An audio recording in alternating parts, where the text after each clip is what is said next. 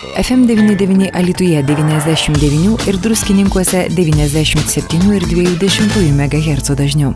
Dienos tema.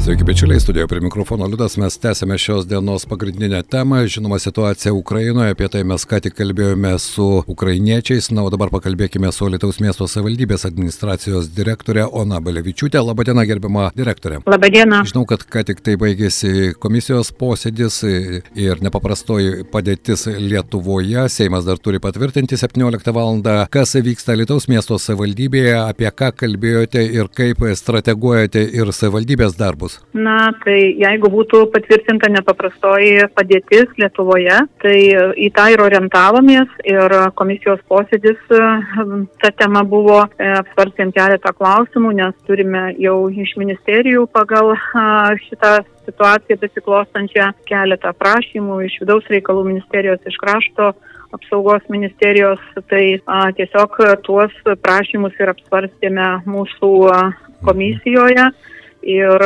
turime prašymą, e, ar yra kokios galimybės, jeigu reikėtų apgyvendinti karius. Tai, tai pasvarstėme čia ir savivaldybės taryboje jau buvo užsijiminta šiandien. Savivaldybės taryba irgi panašios nuomonės, kad tam galėtumėm e, panaudoti mūsų turimą pastatą, dabar nenaudojamą Juozapavičiaus 33, tai buvusius e, vaikų globos namus. Toliau e, turime prašymą iš vidaus reikalų ministerijos, kad jeigu susiklostytų situacija ir a, būtų dideli pabėgėlių srautai ir taip. taip toliau reikėtų registruoti žmonės ir jie galėtų ten e, kažkiek tai valandų, 70 ar kažkiek, kol prisiregistruos ir kažkur toliau ap, ap, bus apgyvendinti ar išvežti, bet mes taptumėm alitus tokiu atraminiu centru ir, ir mes irgi buvo paprašyta didelio pastato ir taip toliau, tai a, nusprendėme, kad tam a, pakankamai gerai tiktų Alitaus kultūros centras e, pagal visus tuos reikalavimus ir tam irgi a, pasiskirstėm pareigomis, kaip tą būtų galima organizuoti.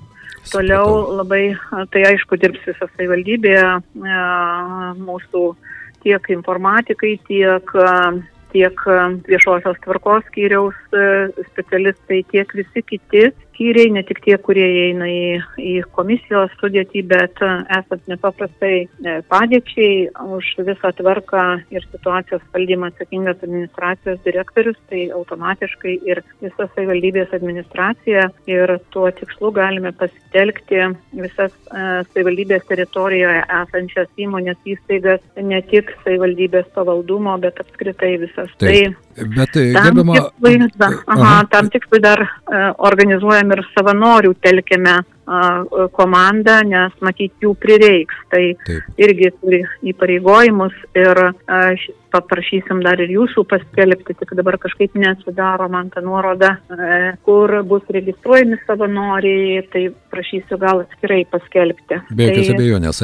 Gerbimo mano dar vienas klausimas, tai yra, jūs esate ekstremalios situacijos komisijos pirmininkė, ar štai šios dienos posėdėje dalyvavo tik komisijos nariai, ar taip pat buvo policijos kariuomenės atstovai, nes na, prasidėjus nepaprastai padėčiai, čia įsijungia jau kiek kita ir įstatyminė bazė, ir nuostatos kitos, ir jeigu šiandien Seimas patvirtins, o aš nebėjau, kad tikrai patvirtins, tai ar dalyvavo ir jėgos struktūrų atstovai? E, dalyvavo policijos atstovas ir nebuvo kariškių, mhm. matyti, su kontaktais, bet policijos atstovas buvo visuomenės sveikatos centro ir visi kiti dalyvavo, e, kurie įeina į komisijos sudėtį. Tai, tai, tai ir, ir dar papildomai žmonių, tame tarpe ir Alitaus miesto meras, kadangi kai kurie prašymai atėjo tiesiai jam iš ministerijų, e, iš vidaus reikalų ministrės konkrečiai viceministro, kuris e, Vitalijaus Dmitrievo, kuris būtent šitą situaciją kūruoja. Taip. Tai visą informaciją pasidalinome, visi kas ką turėjome ir, ir pasiskirstėme darbais. Tai aišku, tuos visus darbus operatyviai spręsime, nenorime visai, gal, e, ta prasme, gazdinti žmonių, bet susitelkimo reikės ir tikrai reikės savanorių darbo, tai, tai norėsime savanorius, jeigu kas nors būtų telefonais, tai, tai kviestume e, skambinti, skambinti e, viešosios tvarkos skyriaus specialistai Rimai Savulionieniai, galėčiau pasakyti jos telefoną. Taip, prašome. 8620 24423.